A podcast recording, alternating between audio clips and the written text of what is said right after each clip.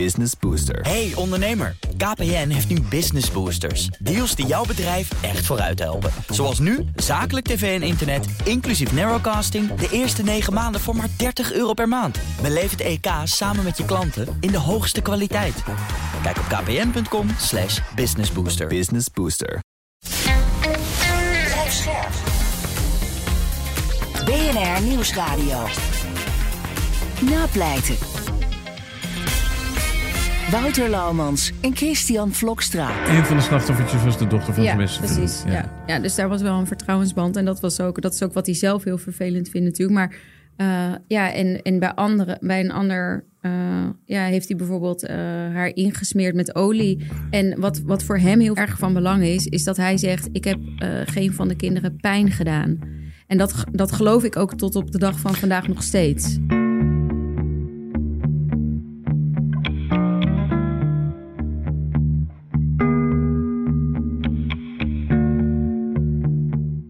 Hallo en welkom bij Napleiten, de podcast waarin we met advocaten, officieren van justitie en rechters praten over strafzaken die hen altijd zijn bijgebleven. Mijn naam is Wouter Lammers en naast me zit als gebruikelijk strafpleiter Christian Vlokstra. Welkom Chris. Dankjewel Wouter. Eerst even de huisregels. In deze podcast praten we over definitief afgedane zaken. En vanwege de journalistieke zuiverheid behandelen we ook geen zaken waar Chris bij betrokken is geweest. Chris, Ja.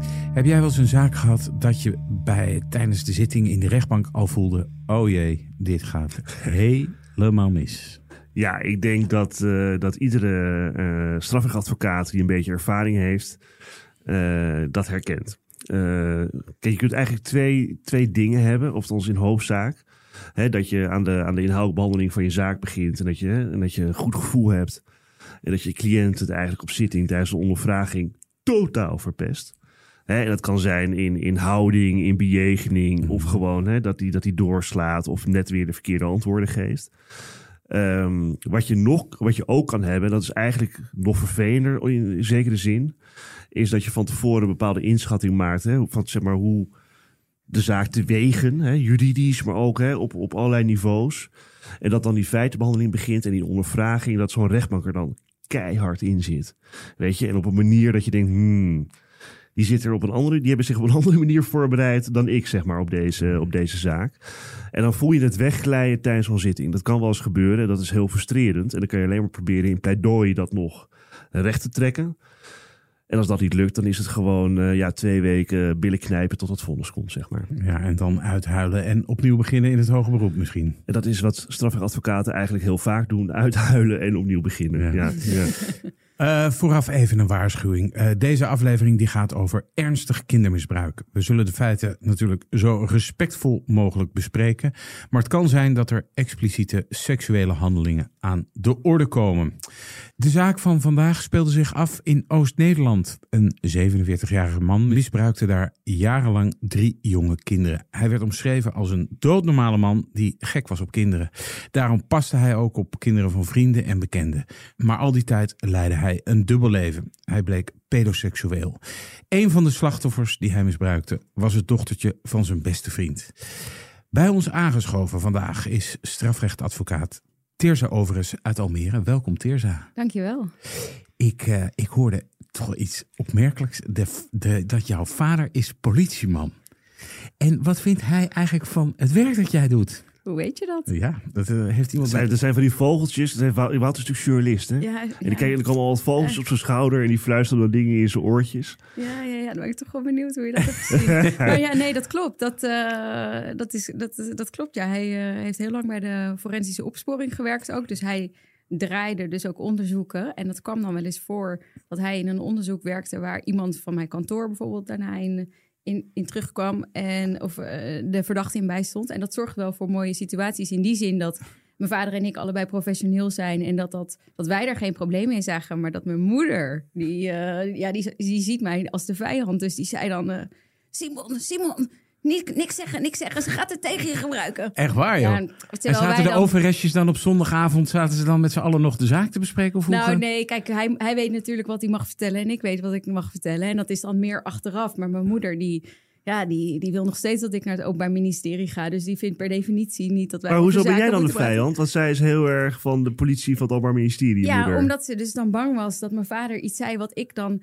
tegen eh, hem ging gebruiken. Terwijl dat slaat natuurlijk nergens op, want dan was het al een zaak die al was afgedaan of wat dan ook. Niet iets wat nog in onderzoek was. Dus dat, eh, ja, dat zorgde wel voor. eh, Simon, ja. Simon, ze gaat het tegen. Ja, ja, ja, nou, dan ken je mijn moeder niet. Dat is een felle. Dus, Maar even een vraagje, want jij bent natuurlijk op enig moment hè, ben, je, ben je recht gaan studeren en heb je gekozen hè, om, om strafadvocaat te worden. Terwijl ja, ja, jouw vader is, hè, is al heel lang politieagent. Eh, zat er een bepaalde reden dat je dacht, nou, ik ga juist de andere kant op? Of eh, zat er iets achter? Of zat er Nee. eigenlijk helemaal niets achter? Nee, zat helemaal niets achter. Al, eh, ik werkte bij een kantoor naast mijn studie. En daar, daar kon ik beginnen als advocaat. En dat, ja, dat vond ik zo leuk. Dat, ja, ik, heb, ik heb nooit gedacht om bij de politie te gaan Nee. werken of bij het OM. Is dat handig trouwens? Want dat vind ik eigenlijk wel... Hè, dat je veel kennis kunt hebben via je vader... van hoe überhaupt de politie werkt. En, En denkt misschien ja, wel. en denkt. En hoe, ze, hoe onderzoeken misschien ingericht worden. Omdat je daar toch misschien wel dingen van meekrijgt. Of heb je dat niet Nou, dat- zo ervaren? Nee, dat heb ik niet zo ervaren. Want toen ik zeg maar recht ging studeren, ja, eh, je woont dan al niet meer thuis. Dus voordat hij zeg maar, hij heeft nooit dat soort dingen gedeeld, behalve dat hij dan meer thuis kwam. Nee, en dat zat er je dan moeder bijvoorbeeld- ertussen. Ja, dat er, nee, ja, dat er een lichaam was gevonden en dat hij daar meer ja. vertelde over wat hij had meegemaakt. En niet zozeer Nee. over het onderzoek. Nee. Ja. Ehm, Tirza, er zijn advocaten die zeggen: ik sta iedereen bij, behalve een kindermisbruiker. Wat vind je van die, van die stelling? Ik kan begrijpen dat mensen zo denken. En ook dat de advocaten dat zeggen. Als zij denken dat zij een verdachte dan niet goed kunnen helpen, dan moet je dat zeker niet doen. Ja. Ja. Eh, op jouw website staat ook heeft Teerza overigens bijzonder interesse in de bijstand aan cliënten aan wie mogelijk een TBS-maatregel wordt opgelegd. De afgelopen jaren heeft ze cliënten succesvol bijgestaan en geadviseerd, waarna er geen TBS met dwangverpleging werd opgelegd. Wat, wat fascineert jou zo aan dat, eh, aan dat TBS en, eh, en, en zeg maar die nou ja, juridische strijd, om het zo maar eens even te zeggen? Nou, met name eigenlijk de omgang met de, met de cliënt. Ehm, Ja. zij, zij worden natuurlijk in, in, op het moment dat er onderzoek wordt gedaan naar mogelijkheid eh, om TBS op te leggen, dan gaat het vaak om, om eh, ernstige feiten waar ze van worden verdacht. Dat is vaak interessant, maar daarnaast echt het contact met, eh, met een cliënt die mogelijk een stoornis heeft, vind ik heel interessant eigenlijk. Dus niet heel, heel berekend iets doen, maar dat er gewoon echt iets achter zit waar ze misschien helemaal niks aan van kunnen doen. En juist die behandeling nodig hebben.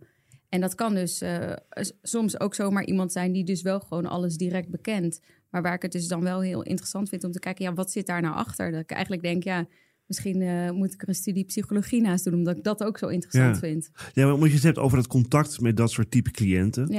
Ja, dan moeten mensen ook weten, niet iedereen die een TBS met dwangverpleging advies krijgt of hè, opgelegd krijgt als straf of maatregel, hè, eh, is compleet gestoord waar, je niet- je niet mee kunt praten. Maar je kunt, komt natuurlijk ook wel mensen tegen met nou ja, wat verwarde kronkels in hun hoofd, om het zo maar te zeggen.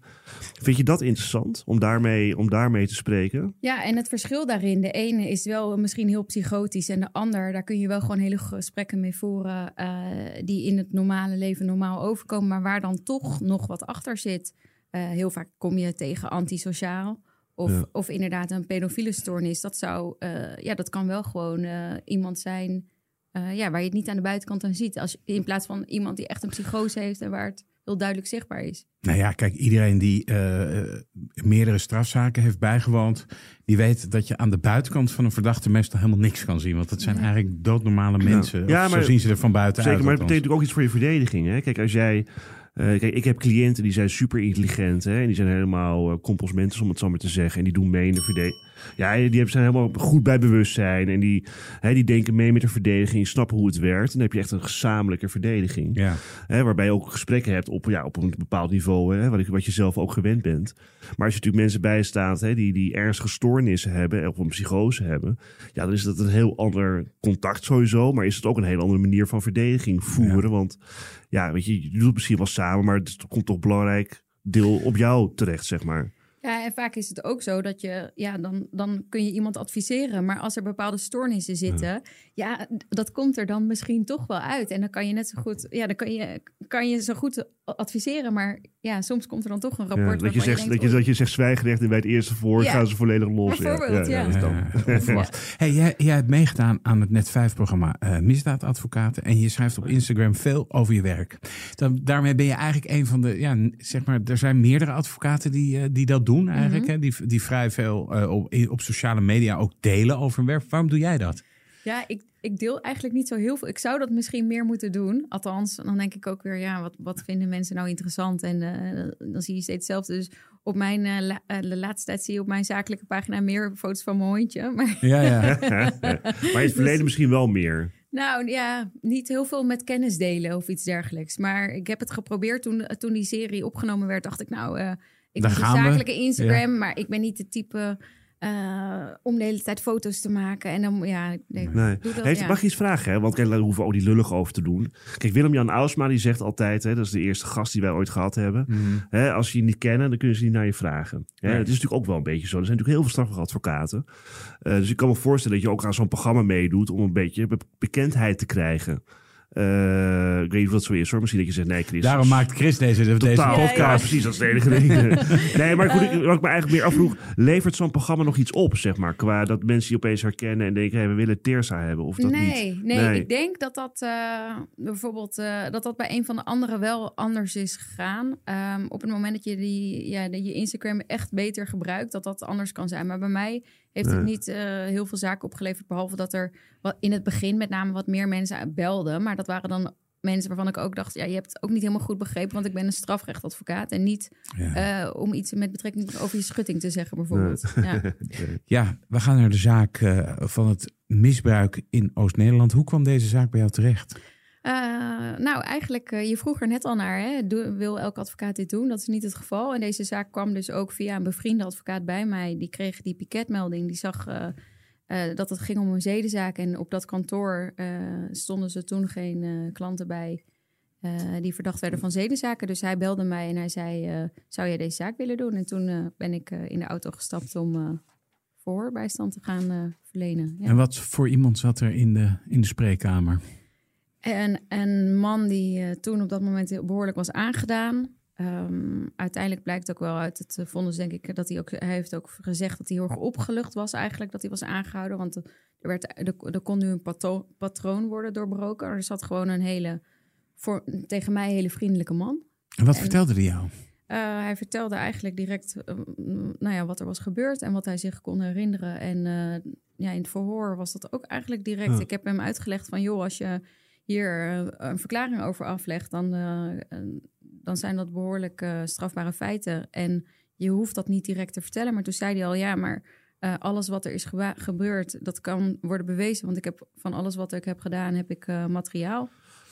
Uh, uh, je nam die zaak over eigenlijk van, hè, van de eerste pakketadvocaat. Ja. Wat, wat had je voordat je hem sprak meegekregen van de beschuldigingen die er tegen hem lagen? Ja, niets. Want nee. uh, hij had, hij, voordat ik die zaak, toen ik die zaak kreeg, had hij die hele cliënt nog niet eens gesproken. Dus nee. ik nam die zaak aan. Toen wist ik niets behalve ja, dat, dat het dan gaat om een, een zedenverdenking. Ja. Dan staat er een artikel uit het wetboek en ja, dat kan dan zijn ontucht. Volgens mij was, ja. stond dat er alleen eigenlijk. Ja. En hoe eh, kreeg je toen je hem had gesproken een beeld van wat er nou precies gebeurd was? Want wat, wat, wat, was, wat was er eigenlijk gebeurd? Nou, eigenlijk nog onvoldoende. Want hij was natuurlijk ook echt, nou ja, wat ik net al zei, enorm overvallen dat hij daar ineens zat. Um, dus hij moest mij uitleggen, of hij ging mij uitleggen wat hij, wat hij op dat moment wist. En ja, hij vertelde dat hij, nou ja, dat hij tijdens oppassen met kinderen in bad had gezeten. En dat hij ze bijvoorbeeld, uh, nou ja, dat, dat er zed- onzedelijke dingen waren gebeurd, ontucht. Ik snap, je bent een professional, maar als ik dit al hoor, dan denk ik, Jezus Christus. Ja. Ik kan me voorstellen dat je daar als advocaat geen trek in hebt, maar ook dat je daar wat van vindt als mens. Heb je, heb je dat op zo'n moment of heb je dat gewoon echt niet? Nee, ik heb dat echt niet. En dat is, uh, ik weet niet of dat is een knopje wat ik uit kan zetten. Ik probeer het echt heel feitelijk te bekijken. Uh, ja, dat is dan ook het enige wat ik doe. En het enige waar ik dan aan denk is, is zijn belang om te kijken hoe kan ik jou zo goed mogelijk helpen. En ja. ja Ja, maar mag ik even vragen? Hè? Want dat eerste gesprek is natuurlijk rete interessant hè? in dit geval. Ja. Hè, want deze man die zegt eigenlijk tegen jou, hè, die vertelt eigenlijk zijn hele verhaal meteen. Eh, en ik begrijp dat hij ook zegt, van, ja, hè, ik bedoel, ik wil, ik wil gaan bekennen, want ik heb er overal hè, eh, bewijs van gemaakt. Ja. Hè, dus eventjes voor, mij, voor mijn beeld, hij, hij, hij paste op kinderen op, hij ging met ze in bad zitten. Je zegt ontuchtige handelingen, het gaat me niet om de specifieke details, maar dan neem ik aan gewoon daaraan zitten en, en dat soort dingen Nou, dat allemaal. valt dus Geslachtsgemeenschap? eigenlijk... Kijk, nee, ja, dat is niet... Kijk, het is... eh eh, een van de kinderen zag hij heel vaak. En dan eh, ging hij in bad. Gingen ze samen in bad voor eh, het slapen gaan. En dan eh, negen van de tien keer... Nou, nu zeg ik dat even zo. Er gebeurde er helemaal niks. Alleen langzamerhand groeide dat, zeg maar... Dat, dat eh, het meisje wel een keer eh, hem heeft aangeraakt. Ja, maar dat was Maar dus dan- dat was het dochtertje van zijn beste vriend, begreep ik. Eh, ik weet even niet meer of zij Een van, de slachtoffers, gezeten. een van de slachtoffertjes was de dochter van ja, zijn beste precies, vriend. Ja. Ja. dus daar was wel een vertrouwensband. En dat, was ook, dat is ook wat hij zelf heel vervelend vindt natuurlijk. Maar eh, ja, en, en bij, andere, bij een ander eh, ja, heeft hij bijvoorbeeld eh, haar ingesmeerd met olie. En wat, wat voor hem heel erg van belang is, is dat hij zegt... ik heb geen van de kinderen pijn gedaan. En dat, dat geloof ik ook tot op de dag van vandaag nog steeds. Hoe oud waren die kinderen? Ehm, twee in de periode in rond drie, vier jaar. En een, het oudste meisje, volgens mij tussen de zeven en de negen. Ja, eh, deze man was dus destijds midden 40, eh, om, eh, globaal. Ehm, ja, dan moet je dus weten dat het eigenlijk niet kan. Maar had hij dermate ge- d- een dermate drang waar hij geen weerstand aan kon bieden? Wat, Ja. wat, wat krijg jij daarvan door? Nou, op dat moment ja, niet zo. Ja, behalve dat je dan...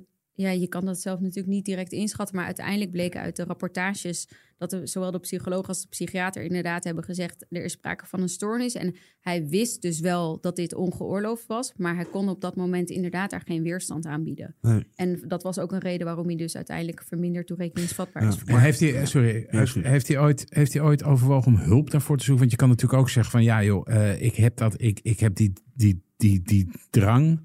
Ehm, je zou kunnen zeggen, nou, als ik die, als ik die drang zo dermate heftig voel, dan stop ik met dat oppassen. Omdat je zegt van, nou, er gebeurde niet altijd wat. Mhm. Dus dan kun je zeggen, nou, als dat, eh, daar, daar stop ik dan mee. Of ik zoek hulp natuurlijk. Heeft hij dat ooit geprobeerd? Ehm, nee, dat heeft hij niet geprobeerd, omdat er gewoon te veel angst was, geloof ik. Ehm, wat ik wel ook moet zeggen, is dat we het hebben over een hele lange periode. En dat er dan bijvoorbeeld een periode van drie jaar lang niets gebeurde. Ehm, het Maar- is dus ook niet zo dat hij, en dat is ook in de, dat blijkt ook wel uit de stukken, dat hij eh, niet op zoek ging, zeg maar, naar kinderen. Dus het was meer eh, gelegenheid.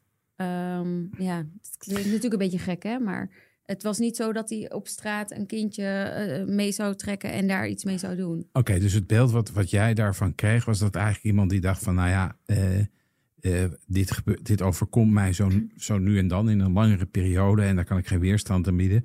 Hoe was deze zaak aan het rollen gekomen eigenlijk? Ehm, moet ik goed nadenken? Volgens mij omdat er beeldmateriaal online was gevonden. En ik denk dat dat, maar dat heb ik niet meer gecheckt. Volgens mij omdat dat misschien zelfs ergens. Nou ja, het is er is materiaal gekomen en ehm, online. En daarvan eh, kon worden gezien dat dat eh, vanaf een bepaald adre- IP-adres was geüpload. ja. Ja. Maar dat, ja, sorry hoor, eh, dat ik daar zo over door zit te zijn. Maar dat, dat detoneert toch wel een beetje met het beeld van, ja joh, dit overkomt mij en ik kan daar geen weerstand aan bieden. En vervolgens zet je die, maak je daar plaatjes van en zet je die op internet. Ja, nee, maar dan begrijp je me verkeerd. Hij, hij heeft niet zelf gezegd, dit overkomt mij. Dat heeft hij echt nooit gezegd. Het was meteen, eh, dit, is, dit is wat achteraf, zeg maar, door de psycholoog en de psychiater op papier is gezet. Maar hij was daar totaal niet in een slachtofferrol. Hij, Ah, hij nam echt tegenover mij de verantwoordelijkheid. En hij zei echt, ik wil de hulp. Ik wil dat dit nooit meer gebeurt. En daarom wil ik open kaart spelen. Ja. En ehm, tijdens dat verhoor heeft hij dat dus ook naar mijn mening gedaan. Mag ik Ja. nog even, even een aantal dingen vragen om het even scherp te stellen op allerlei manieren? hè? Want kijk, we hebben het eerder wel eens gehad, ook in, in Proforma podcast, hè, die Ja. we ook doen, hè, over pedofilie, eh pedoseksueel zijn. Hè? En dan is pedofilie, hè, is dat je, dat je gewoon een seksuele voorkeur hebt voor kinderen jonger dan 12. Hè? Eh, maar dat betekent niet dat je daar uitvoering aan geeft. En als je pedoseksueel bent, hè, dan, geef je er uitvoering aan.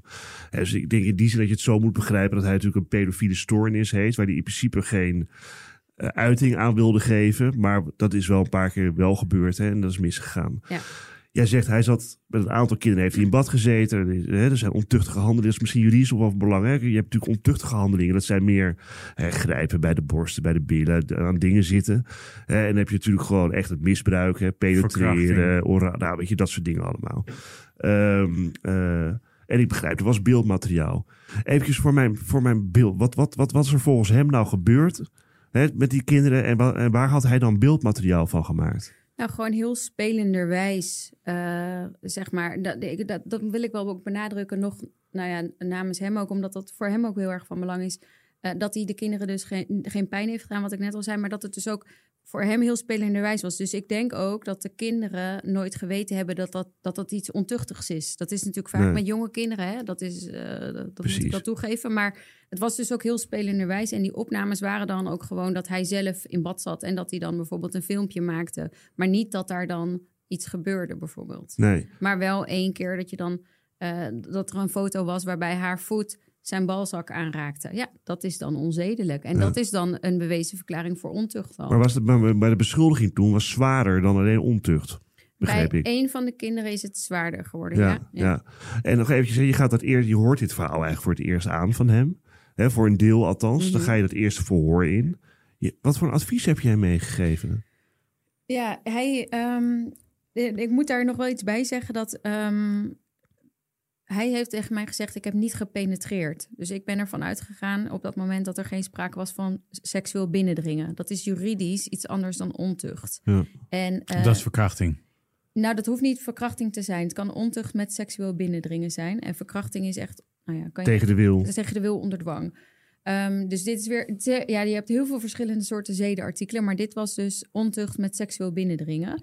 Alleen, ehm, ik heb hem uiteindelijk ge- gewoon gezegd, dit is eh, wat er kan gebeuren. En op het moment dat je open kaart wil spelen, dan moet je dat maar doen. En dat, daar stond hij heel stellig in. En ook tot de dag van vandaag heeft hij ook, eh, nou, is er ook sprake van hulp en is hij daar ook nog heel blij mee. Ja, want tijdens de doorzoeking van zijn woning en auto eh, werden op gegevensdragers in totaal 101.396 foto's en video's aangetroffen die als kinderpornografisch worden geclassificeerd. En er zat dus ook eh, materiaal tussen dat jouw cliënt had vervaardigd. Ja. Dat is wel een enorme bak eh, materiaal. Ja, ja de, ik eh, moet daar ook bij zeggen dat daar. Eh, kijk, dat downloaden, daar heeft hij volgens mij ook over verklaard. Dat gaat natuurlijk dan, dat kan heel snel gaan. En op een gegeven moment, dat zie je heel vaak in zedenzaken, dat men, men zegt: het gaat me op een gegeven moment alleen maar om het downloaden en om het vinden van materiaal. En eh, heel veel was ook niet meer benaderbaar. Ik weet niet of ik dat zojuist zeg, maar was niet heel makkelijk te vinden meer op de computer. Dus dat had hij verstopt. Nou, niet, niet als verstopt, maar dat was gewoon nou ja, weg. Niet in een mapje van, oh, ik heb het op mijn bureaublad staan en ik kijk Maar er dan elke moesten ze naar. terughalen uit de harde Ja, dat- schijf. ja. Maar ja, dat is ook nog wel van belang, Wouter. Want ik heb, ik heb best wel wat zaken gehad, weet je, van, van mensen met kinderporno.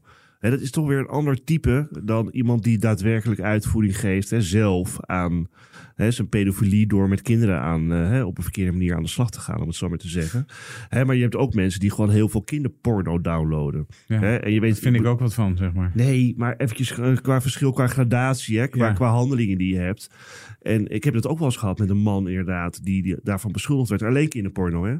En die vertelde ook, weet je, op een gegeven moment ben je alleen maar bezig met binnenhalen, Ja, binnenhalen, ja. categoriseren. Precies. En niet eens dat je er naar kijkt, maar het is een soort van dwang wat het wordt. Het wordt Hè, dus de obsessie. hoeveelheid, alleen maar, die zegt eigenlijk niet zoveel. Kijk, het feit dat hij Nou, dat, opnames... sorry, dat vind ik natuurlijk. Het, zegt wel veel. Dat betekent, het zegt toch ook iets over de ernst van je stoornis, hoe lang je ermee doorgaat. Nou ja, dat is iets anders. Het gaat over periode. Maar kijk, je kunt natuurlijk een bestand binnenhalen met 50.000 kinderpornoplaatjes. Of je, Ja. je treft een bestand aan met 100.000 kinderpornoplaatjes. Ja, je hoeft ze niet alle 100.000 gezien te hebben. Alleen dan heb je toevallig 100.000. Dus het aantal maakt niet zo heel veel uit. Alleen, kijk, dat deze man een stoornis had, dat heeft hij ook erkend. En hij had ook uitvoering gegeven zelf daaraan. Maar ook daar zit wel weer hè, mensen die alleen maar kinderporno downloaden, zijn weer ander types. Ja, dan, maar, hè? Maar ja, de, de cliënt van Teersa was dus, eh, die was niet alleen aan het downloaden, maar ook in andere opzichten over de schreef gegaan. Ja, maar dat ontkent niemand, hè? Maar Nee, eventjes om, Nee. om even die, die, die aantallen even te, te relativeren, laat ik het Ja, zo want zeggen. het klinkt, het klinkt inderdaad heel veel. En het is natuurlijk ook heel veel. Alleen het is inderdaad wel zo dat dat heel snel kan gaan met dat downloaden. En dat hij dus niet dagelijks eh, ernaar aan het kijken was. Ik kan me nu zo voorstellen dat er luisteraars zijn die zeggen: ja, eh, het zal allemaal wel. Eh, dit, is natuurlijk, hè, dit, dit is natuurlijk ook iets wat jij op verjaardagen. Eh, De verjaardagsvraag. Nou ja, de verjaardagsvraag. Hè, hè, eh, pedo's, nou, dat, eh, dat, die moeten ze eigenlijk maar gewoon eh, met een steen om hun nek van de, van de brug afgooien. Het is, is weinig sympathie in de maatschappij Ja. voor eh, dit soort verdachten. Ja, ja. Mer- Merk jij dat? Nou, dan kom ik weer terug op mijn thuissituatie. Ja, die moeder van mij, die, eh, die, die, Jij staat er een beetje hetzelfde in Ja. eh, als de rest van de samenleving. En ik denk ook een beetje net als eh, Wouter zelf. Jij, eh, Ik ben de Jij- geschokte jij rechtsorde bent hier de aan geschokte rechtsorde. Ja, en dat, is, eh, dat weet ik dat dat zo is. En ik kan gelukkig wel die knop uitzetten. Maar ik vind toch, Wout, ik ga een beetje tegengas geven, toch nu al zo Ja, ja. langzamerhand. Want kijk, eh, we moeten wel goed realiseren. Kijk, dit zijn niet mensen die, die op enig moment in hun leven gekozen hebben om te zeggen van, hé, hey, ik ga liquidaties Nee, plegen. tuurlijk, nee, nee, ik ga cocaïne in. Nee, ik ga Ja, kinderen dit is misbruiken. anders. Ja, weet Hè, ik dit ook zijn wel. mensen die een pedofiele stoornis hebben. Dus zoals jij op vrouwen valt en ik op vrouwen valt. En eh, hè, daar kun je niks aan doen. Weet je, dat is gewoon, hij valt hè, voor een deel op kinderen jonger dan 12. Dat, dat kun je niet uitzetten. Hè? Dus Nee, maar je hoeft het ook niet aan te zetten. Dat ben ik met je eens. Dat en ben daar ik met wordt je nu aan eens. gewerkt. En daar, Ja. hè, daar wordt daar, maar goed, hij is de fout ingegaan. Zoals zoveel mensen Nou ja, de weet je wat ik, wat ingaan. ik, wat ik- wat ik betreft. denk bij, bij zo'n zaak? Denk ik van, nou ja, oké, eh, prima, stoornis. eh, eh. het, het, de eerste gedachte die mij in mijn hoofd schiet en die mij eh, eh, de- de- als een soort bliksemstraal eh, is van, het, het zal je eigen kind zijn die Nee, dat heeft gehad. tuurlijk. En de tweede gedachte is natuurlijk van ja, eh, dat je daarna, als dat jouw kind is geweest, en ondanks dat misschien is vastgesteld of dat de, eh, de persoon in kwestie heeft gezegd, hij, hij of zij heeft geen pijn gehad, je kijkt als ouder daarna altijd anders Tuurlijk. naar je kind. En Want je kijkt ja. ook naar bepaald gedrag, hè, dat je denkt, hmm, zou dat daardoor komen? Dus als jouw kind dit is overkomen op, op 2, 3, 4 en die doet opeens iets, iets, iets raars op, op 8, Ja. eh, als, die, als diegene 8 is, dan denk je van, hmm, zou dat Maar- daar maar, te ik maken bedoel, het is verschrikkelijk als dit Ja. je overkomt als ouder. Dat punt niet. Wat hier wel interessanter is, en ook wel een les voor mensen, dat wordt wel vaker gezet. Kindermisbruik vindt, niet plaats, vindt meestal niet plaats met de pedofiel die in de borstjes een kind Nee. grijpt. Het is dicht bij huis, huisvrienden, ooms, tantes, opa's en oma's. Maar nog even, hè, wat ik wilde vragen. Dat eerste verhoor, hoe ging dat? Want dan ga je met hem dat verhoor in. Ja, dat, eh, ja, dat ging eigenlijk soepel, omdat de recherche het natuurlijk ook wel fijn vond dat hij gewoon meewerkte. Ja. Vraag me toch af, hè? Want En toen eh, moet ik wel bij zeggen, toen hadden ze het materiaal nog niet eens gevonden, hè? Dus hij heeft een verklaring afgelegd. Toen, hadden zij, toen, ja. eh, toen is er natuurlijk een huiszoeking geweest en alle spullen in beslag genomen. en heeft hij ook van inlogcodes van zijn computer Hij- en zo gegeven? Ja, Ja, ja, oké. Dus het is een meewerkende verdachte, zoals ze Ja, dat noemen. dat vond ik vooral wel. Ja, maar zoals, Ja. Zij, zoals we ergens in het begin opmerkten, hij was ergens opgelucht dat hij aangehouden werd. Ja. Omdat Ja. hij, hè, dat het doorbroken werd. Ja. En Lag, er, lag er naast foto's en video's en, en, en zijn bekende verklaring nog meer bewijs tegen hem?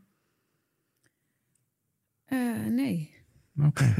nou ja, kijk, en, en wat, wat ik me ook afvraag is, hoe gaat hè, meestal eh, er- in zo'n verhoorkamer zit er een verhoorkoppel, hè, dat zijn twee eh, agenten of rechercheurs.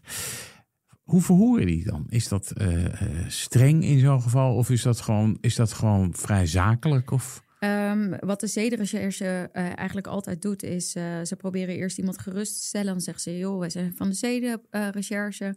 eh, Die zijn dus ook wel wat gewend. Wij zijn wat gewend. Wij, Ja. zijn hier, wij zijn gewend om over seks te praten. Het is niet erg om daarover te praten. Dus zij proberen juist iemand gerust te stellen. En dat doen ze natuurlijk omdat Hmm. ze hopen dat iemand dan een verklaring aflegt. Dus die, dat zijn helemaal geen... Nou ja, het klinkt een beetje stom, maar het zijn helemaal geen vervelende verhoren. Nee. Als in dat ze iemand proberen... Ja, Ja, en de slachtoffers zijn heel jong hè, in deze zaak, of waren heel jong. Ehm, is er ook met hen gepraat? En, Nee. en niet? Nee, Dat kan, dat, met twee, drie jaar lukt dat niet of Nee, zo. en eh, ik geloof ook zelfs dat eh, niet, niet alle slachtoffers weten dat hen dit is overkomen. Of in ieder geval dat daar een strafzaak van is geweest. Ja. En dat willen die ouders ook heel graag zo houden. Ja. Begrijpelijk. Begrijpelijk Ja. natuurlijk, ja. ja. Dus eigenlijk was die zaak gewoon eigenlijk vanaf dat eerste vooral pan klaar, zoals dat, eh, zoals dat heet. Ja, zo leek het, ja. ja. Maar Er was nog wel wat discussie over, eh, uiteindelijk op zitting ook over, over sprake was van eh, wel of niet binnendringen bij bepaalde, bij bepaalde omstandigheden. En helemaal omdat de cliënt er zo stellig in was dat hij zei: Ik heb niet gepenetreerd. Maar dat En- maakt ook uit voor de strafmaat. ik Dat maakt op zich uit voor de strafmaat, maar er was ook één onderdeel waarvan hij wel al zei: dat is juist. Dus formeel kon het binnendringen bewezen worden. Dus maar waar kwam dat binnendringen dan vandaan? Want er waren beelden, je had zijn verklaring. Maar Ja. bleek dat dan uit beelden dat hij wel had binnengedrongen? Of Nou, zo? wat dus al binnendringen is, ehm, wij denken meteen aan penetreren. Hè? In de Ja. volksmond denk je aan, Ja. aan seks, penetreren en dat is binnendringen. Ehm, maar binnendringen is ook al als jij, ehm, nou ik moet het, ja ik zeg het toch maar even voor de feiten. Als jij eh, je mond een beetje open hebt en de eikel van de man daar een stukje tussen komt, Ja. eh, dan is dat al seksueel binnendringen.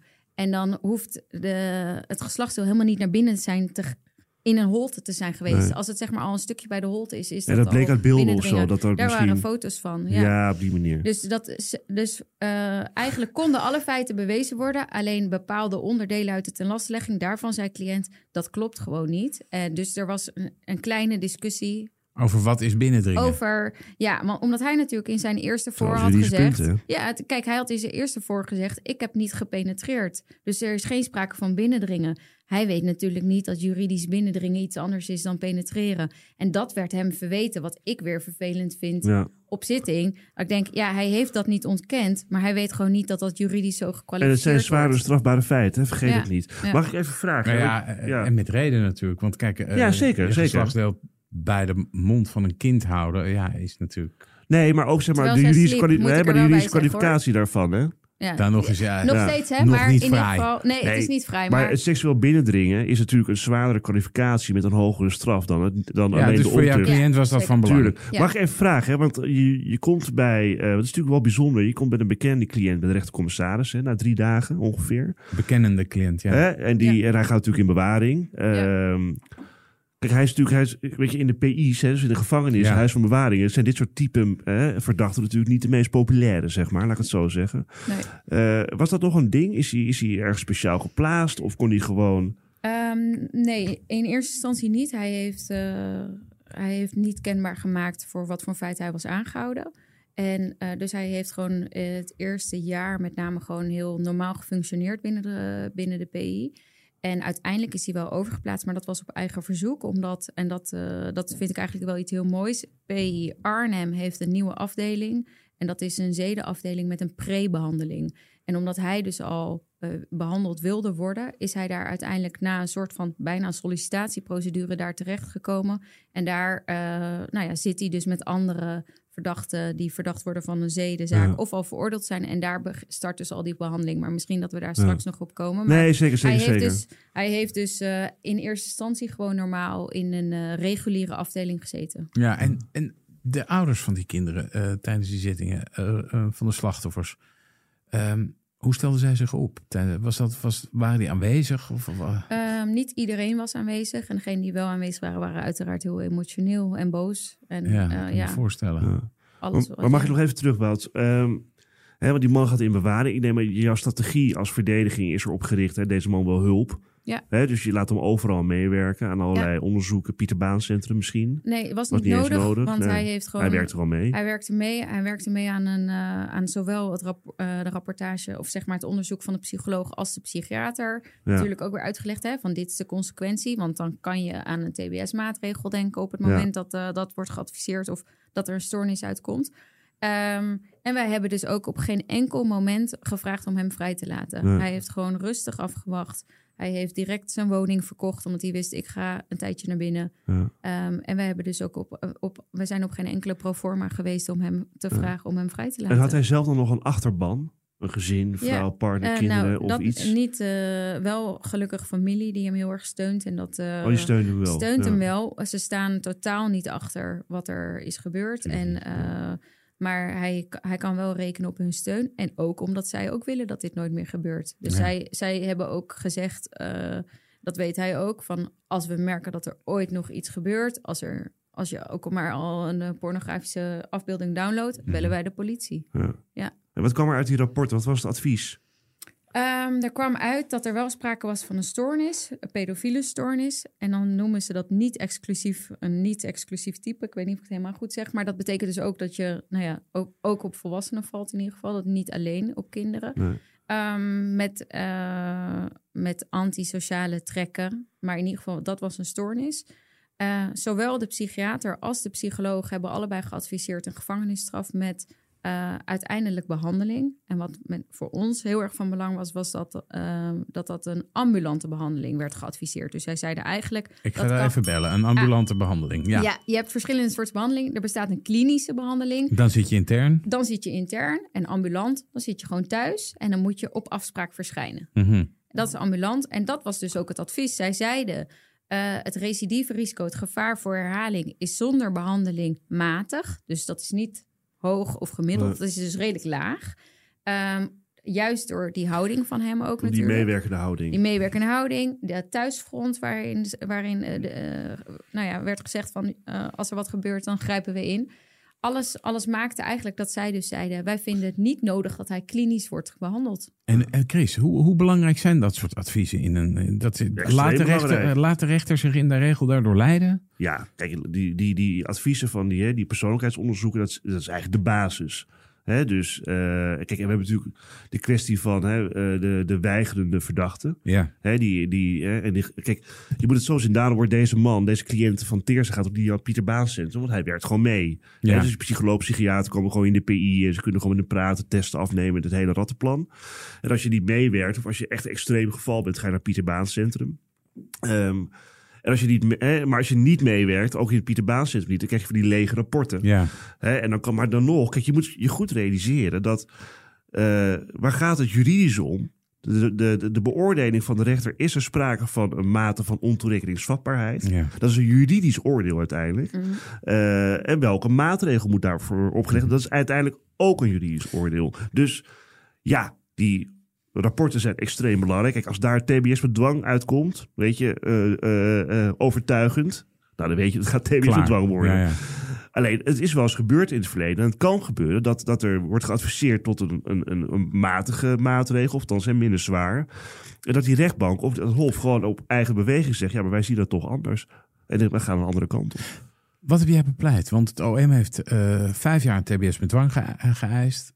Wat was jouw pleidooi? Ja. Ja, die eis, die, eh, die nou ja. Ik Zag heb je die aankomen? Nou, nee. Die zagen we niet aankomen. En dat is dus ook wel, eh, ja, je, op, nou, ik ben er bijna weer sprakeloos van. Het was, eh, we zaten op zitting en zowel cliënt als ik voelden het gewoon helemaal misgaan. We voelden gewoon de manier van de, de- de- hoe de vragen werden gesteld bij de, door de rechtbank. We kregen gewoon helemaal na het requisitor, waarin dus die vijf jaar met TBS, met dwangverpleging werd gevraagd. Voelden wij gewoon, dit gaat helemaal mis. Maar hoe kan dat dan? Want hij was een meewerkende verdachte. Ja, en Hij deed overal aan mee. En je komt Nou- op tijdens die feitenbehandeling en dan is het opeens... Ja, wat ik naar. daar wel over moet zeggen, dat nam de officier hem heel erg kwalijk, is dat ehm, het la, eh, een van de slachtoffers, ehm, die had hij gefotografeerd tijdens het slapen. En daar had hij zijn geslachtsdeel bij gehouden. Dat Dus- is de foto waar we het net over hadden ook. Met, eh, Eh, op, op de mond. Nee, dat is een andere foto. Oh, oké. Ehm, en die had hij in zijn eerste voor niet genoemd. Was hij gewoon vergeten, omdat hij... Dat is gewoon, die is gewoon een keer blijven slapen. Er is eenmalig die foto gemaakt en dat was het. Ja. Dus eigenlijk heeft hij tijdens zijn eerste voor over twee kinderen verklaard. Dus het OM stelde zich op het standpunt dat hij helemaal niet zo open was, want hij had dat laatste slachtoffer verzwegen. Nou, hij had gezegd: ik, ik had het idee dat ik dat wel had verteld, of ik ben dat in ieder geval vergeten. Nou, het OM stond er dus veel harder in en die zei dus helemaal niet dat hij zo goed aan het meewerken was. Ja, we stonden echt lijnrecht tegenover elkaar. En vervolgens hebben wij bepleit met die rapportages. Want die rapportages die waren super, super goed. Die, die, ja, die, die zagen gewoon ook wat ik zag, zeg maar. Dus wij hebben bepleit een gevangenisstraf met een deels voorwaardelijke eh, Mhm. gevangenis. Maar wat was tijdens die, je zit tijdens die feitenbehandeling, dus tijdens de ondervraging eigenlijk van de rechtbank van jouw cliënt, voelde je dat het weggleed? Waar, waar kwam dat dan door? Nou, met name, eh, nou ja, ook de manier hoe, zeg maar, gewoon de manier hoe de vragen worden gesteld. Ja. Al, het voelde al inderdaad een beetje veroordelend. En ehm, nou, de, ik, ik vond gewoon dat de rechtbank op de grens zat van ja, Ja. Hoe, je, hoe je dan iemand bejegent. En natuurlijk kijk, eh, kijk ik er anders naar en ik zet dat knopje uit. Dus eh, de manier, ja, je, net als dat Wouter jij net vraagt van hoe stelt de politie de vragen. Ja, eh, ik ga ervan uit, zo'n professionele partij, die stelt dan op een normale manier de vraag. En ik weet niet, het voelde gewoon niet goed. Nee. En niet dat ze al, ze konden natuurlijk niet zeggen En wat bij de, ze ervan bespreking, vonden. van, maar- bij de bespreking van die rapporten dan? Want ja, die deskundige rapporten waren helder. Ja, die waren helder. En dat is dus ook het probleem. Ik kan me eigenlijk niet eens meer zo goed herinneren of die nou heel uitgebreid zijn besproken. Ik denk Nee. het niet, want ze hadden die rapporten gewoon nodig voor het opleggen van eh, de maatregel. Maar zij waren het natuurlijk niet eens met de inhoud. En daarom... Niet het Openbaar Ministerie bedoel je? Ja, en maar ook de rechtbank. Ja, het bleek uiteindelijk, maar dat bleek niet tijdens de feitenbehandeling dat ze heel kritisch waren op die rapporten of Nee, zo. nee, want normaal is het ook zo. Je kunt ook zo'n getuige eh, deskundige op zittingen oproepen. Precies, ja. Als je het niet eens bent met de inhoud van het rapport, Ja. zowel voor de Ja. officier als voor de rechtbank, denk je dan, dan roepen we deze, Gaan we eh, even vragen hoe het deze zit. deskundige op om te vragen hoe ze tot dit Ja. advies komen. Dat is niet gedaan. Uiteindelijk de uitspraak. Eh, vijf jaar en TBS met dwangverpleging. Ik ga even een stukje uit de motivatie voorlezen. Verdachte heeft jarenlang zijn gang kunnen gaan en is in die jaren nooit met zijn problemen naar huisarts, familie of vrienden gegaan. Hij heeft langdurig mensen om de tuin geleid, waaronder mensen die hem zeer goed kenden, namelijk zijn partner en zijn beste vriend. Uit het rapport en ter zitting is gebleken dat verdachte nog weinig inzicht toont in de motieven en factoren die hebben geleid tot zijn seksuele delictgedrag. De rechtbank vindt het zorgelijk dat verdachte van het verzamelen van kinderporno overgegaan is naar het daadwerkelijke ontucht plegen met hele jonge minderjarigen. Nou ja, goed. ehm, dit alles, zo, daar, daar, daar- ik sla een stukje over, maar dit alles maakt naar het oordeel van de rechtbank dat de maatschappij maximaal beveiligd moet worden tegen verdachten, zodat de maatregel van ter beschikkingstelling met dwangverpleging de aangewezen maatregel is. Dat is een rare motivatie hoor. Ja, het is gewoon geen motivatie. Dat is ook het hele probleem. Ehm, kijk, de rechtbank heeft feitelijk in dit vonnis twee redenen gegeven waarom zij voor die TBS met dwang eh, zijn gekomen.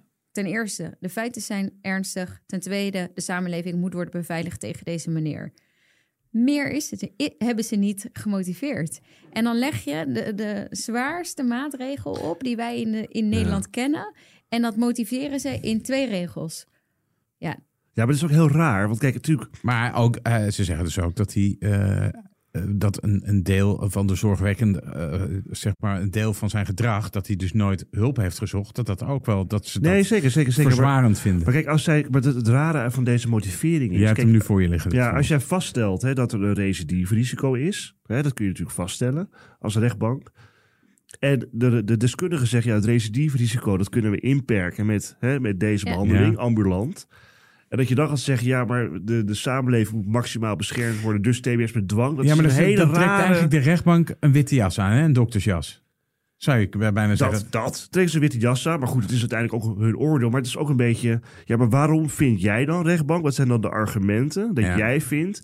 dat die ambulante behandeling onvoldoende Dat- ja. is... en dat er dus TBS met dwang nodig is? En dat blijkt totaal niet uit deze Nee, motivering. nee. Voor de luisteraar is het misschien wel goed om te weten. En dat kan een reden zijn waarom ze niet tot een gevangenisstraf enkel zijn gekomen. Je kunt alleen bijzondere voorwaarden opleggen of een voorwaardelijk strafdeel als de straf maximaal vier jaar is. Dus je kunt nooit een gevangenisstraf opleggen van tien jaar, waarvan vijf voorwaardelijk. Dat kan gewoon niet. Dus dan kan ik me voorstellen, oké, dan kijk je naar een TBS-maatregel, maar laten we dan de optie onderzoeken met TBS met voorwaarden. Voorwaarden, Want dan kun je ehm, eh, behandeling opleggen alsnog. Ambulant als voorwaarde. En als je die niet, hè, Ja, als het niet zij- goed gaat... dan ga je alsnog de TBS in. En wat, en wat oké, dus nou ja, je hoort dat vonnis, dat wordt afgehamerd. Eh, wat, wat, wat zei cliënt? We wisten het al. We, het was echt zo van, ja, zie je, we hadden we, dit, dit slechte gevoel. Dat, eh, het, was, het was meteen vooruitdenken, oké, we gaan door. eh, Ja. Hoger beroep instellen en we gaan in hoger beroep. Eh, nou ja, opnieuw, opnieuw zelf gevraagd om nogmaals, volgens mij hebben we dat zelf gevraagd, ja, eh, een verzoek om weer NIFB-rapportages te laten opmaken. Met dus het risico dat er iets anders uitkomt. En opnieuw in hoger beroep. Zij, deskundigen. Nee, één, eh, één andere en één geloof ik dezelfde. Wat verschrikkelijk voor de ouders van die slachtoffer. Nou, en dat is, eh, dat is heel vervelend. En wat ik, eh, ja, het is wel zo dat... Die moeten er nog een keer die doorheen. moesten dan. er nog een keer doorheen. En dat was heel vervelend. En ik verwijt dat de- aan de rechtbank. Ja. Ik verwijt het de rechtbank echt. Ehm, de, een van de slachtoffer, de ouders van de Ja, je slachtoffers zou ook hebben... kunnen zeggen, ja, dan had je, als je het zo erg vindt, ga, ga je niet in hoger beroep. Maar ja, ik snap, maar dat Nee, is een een beetje omgekeerde wereld. TBS-maatregel. Hè? Hè? Oké. Kijk, Ja. op het moment dat de rechtbank dus TBS, een TBS-maatregel hadden opgelegd, vijf jaar gevangenisstraf, maar een TBS met voorwaarden, eh, dan kom je niet weg met een, eh, met een werkstrafje. nee. Daar, daar zit een Ja. TBS met voorwaarden, kan negen jaar lang duren. Ja. Ja. kijk, daar komt bij. Kijk, als, er, als hier deskundige rapportages hadden gelezen, die, die, gelegen, die allebei hadden gezegd TBS met dwangverpleging. Ja, Dan zit er geen licht in zo'n zaak. Nou ja, dan kun je afvragen, je gaat een hoger beroep, weet je, waarom doe je dat dan? En dan kan je zo verwijt maken van, hé, hey, je laat, Ja. je laat de Mhm. slachtoffers nog... Maar hier, deze man, hè, waar we het net bespreken, die, die krijgt een, Er was een maatregel- argument om dit te Die krijgt een maatregel opgelegd die, die life-changing is, Ja. maar die onterecht is in, Ja. op basis van argumenten. Dus ja, Ja. natuurlijk ga je een hoger beroep. Ja, dat is echt dan... eh, de- en dat, kijk, het punt is, dat weet de rechtbank ook op het moment dat ze zo'n vonnis wijzen. Want op het moment dat ze zo'n vonnis wijzen, terwijl die andere rapporten er liggen, dan weet ze, ja, dan gaat hij een hoger beroep. Dus in Ja. die zin snap ik jouw punt. Ik zeg, ja, sorry, maar dat kun je dan alleen maar de rechtbank verwijten. Ja. Hoe liep het in hoger beroep af? In hoger beroep is er dus opnieuw eh, zijn er rapportages gekomen. Wat een anders was dan in de eerste aanleg, was hij dus eh, inmiddels geplaatst op die pre-behandeling afdeling in de PI Arnhem. Waar je het net over had. Waar ik het net over had, is echt een. eh, ja, ik heb daar nu een hele dan goede zit je ervaring en dan bij. word je behandeld in Ja. afwachting van je TBS. Ja. Oh, ja. Ja, nou ja, je, je kan. eh, ja, in ieder geval is het zo. Er zijn er psychologen die zijn aangesloten. Volgens mij ook iemand van de kliniek in Nijmegen. In ieder geval professionals die komen daar dan al. Die starten al met de behandeling. En wat eh, met name voor cliënt van belang was, was dat hij hierdoor al veel beter. eh, door, door deze hulpverlening veel beter kon bedenken hoe heeft dit zover kunnen gekomen. Gewoon reflecteren. Hij kon reflecteren. Hij heeft, dat, hij heeft zichzelf daarin ook leren kennen. En vervolgens kon hij dus in hoger beroep op zitting ook veel beter uitleg geven eh, waarom dit zo was gebeurd. En hij was al gestart met die behandeling. Dus ja, dit is echt een, wat mij betreft een, een topafdeling Ja. Eh, om daar te zitten als je ervoor open staat. Ehm, dat maakte dat er in hoger beroep eh, nieuwe rapportages lagen. Nog steeds het advies ambulante behandeling. Maar nu zeiden de, eh, zowel de psycholoog als de psychiater zeiden wel... omdat er meer is opgelegd dan vier jaar... en adviseren wij toch nu een TBS-kader... maar TBS met voorwaarden... zodat er in ieder geval wel dus een hogere straf kan worden opgelegd. Ja. Ehm, Wat en eist dat was OM? het advies. Dat was ook de eis van het OM. Vijf jaar gevangenisstraf en TBS met voorwaarden. En dat zegt, wat mij betreft, toch ook wel weer iets over die uitspraak van de rechtbank. Het Openbaar Ministerie was het in hoger beroep daarna eh, nou ja, ook niet meer eens met wat de rechtbank had opgelegd. En dus ook niet meer, een- niet meer eens met wat de officier had geëist. En wat werd dat? Vijf jaar en TBS met voorwaarden. En dan moet ik dus ook zeggen, dat is dus ook een onwijs hoge straf. Want ook met TBS met voorwaarden kan een maximale gevangenisstraf worden opgelegd van vijf jaar. Dus hij heeft feitelijk de hoogste straf gekregen naast die TBS met voorwaarden. Hoe kijk jij nu terug eh, op deze zaak? Eigenlijk toch heel tevreden. Ook omdat ik denk, eh, dit is gewoon zowel voor cliënt het beste, maar ook voor de samenleving. Ik heb er echt vertrouwen in dat hij nu met de juiste hulp, die hij dus al deels ook al heeft gehad, dat hij niet meer recidiveert. En dan ben ik tevreden. Ja. Ja. Ik Maar denk echt dat hij niet meer terugkomt. Maar nog één ding opmerken, want dat is wel even interessant ook. Hè? Dat, waarom dat pre-behandelen zo belangrijk is. Hè? Dus Ja. dat je... Kijk, als jij een gevangenisstraf krijgt en een TBS-maatregel... eh, dan is het nu zo dat je eerst die gevangenisstraf moet uitzitten... en vervolgens ga je aan de, in, in die TBS-behandeling. Maar als jij bijvoorbeeld een persoonlijkheidsstoornis hebt... zeker als je jong bent... Hè, je krijgt een TBS-behandeling... en je zit heel lang in de gevangenis, die wordt niet behandeld... Ja, die gaat zich innestelen. Hè? Waardoor je eigenlijk veel minder makkelijk behandeld Waardoor je kan dus worden eigenlijk daarna. zieker wordt. Zeg maar. Precies. Ja. En dus als je al pre-behandeld wordt, hè, in die zin in, in, hè, in de PI, waarbij ze alvast kunnen beginnen aan die stoornissen te werken, ja, dat leidt uiteindelijk ook, of dat zou moeten leiden tot een, een kortere duur van de eventuele TBS, waardoor je per saldo natuurlijk ook beter uit bent als samenleving, maar ook als verdachte. Ja, en wat ik daar ook mooi aan vind, is dat hij dus nu al is begonnen. En eh, op het Nu moment al dat aan zijn, eh, aan Nee, zijn aan die behandeling, Ja, zeg ja. maar aan die pre-behandeling. En zodra hij gaat resocialiseren in stapjes naar buiten, is hij dus al deels behandeld. En is er dus ook het gevaar voor herhaling lager. Stel dat hij vijf jaar of korter heeft vastgezeten met een stukje VI bijvoorbeeld. Hij komt dan ineens buiten. Ineens is hij, moet hij werken. Ineens moet hij behandeld worden. Ineens komt alles op je af. Ik vind echt dat dit, eh, dat dit een Ja. oplossing is. Ja, Teers Overes, bedankt voor dit verhaal en je komst eh, naar onze studio. graag gedaan. Dit was Napleiten, de laatste van dit seizoen. We gaan er even een paar weken tussenuit, maar in mei zijn we weer terug. Mijn naam is Wouter Laumans en naast me zit co-host advocaat Christian Vlokstra. Deze podcast is te beluisteren op Apple Podcasts en Spotify. Vergeet u vooral niet te abonneren. Dan bent u op de hoogte als er een nieuwe aflevering online staat. Verder zijn we te volgen op Twitter en Instagram. Dank voor het luisteren en heel graag tot de volgende keer.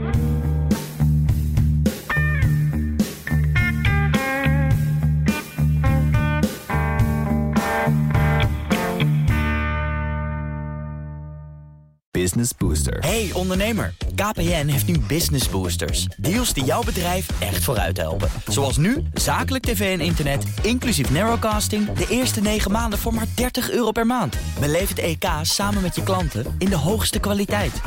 Kijk op kpn.com slash businessbooster. Business Booster.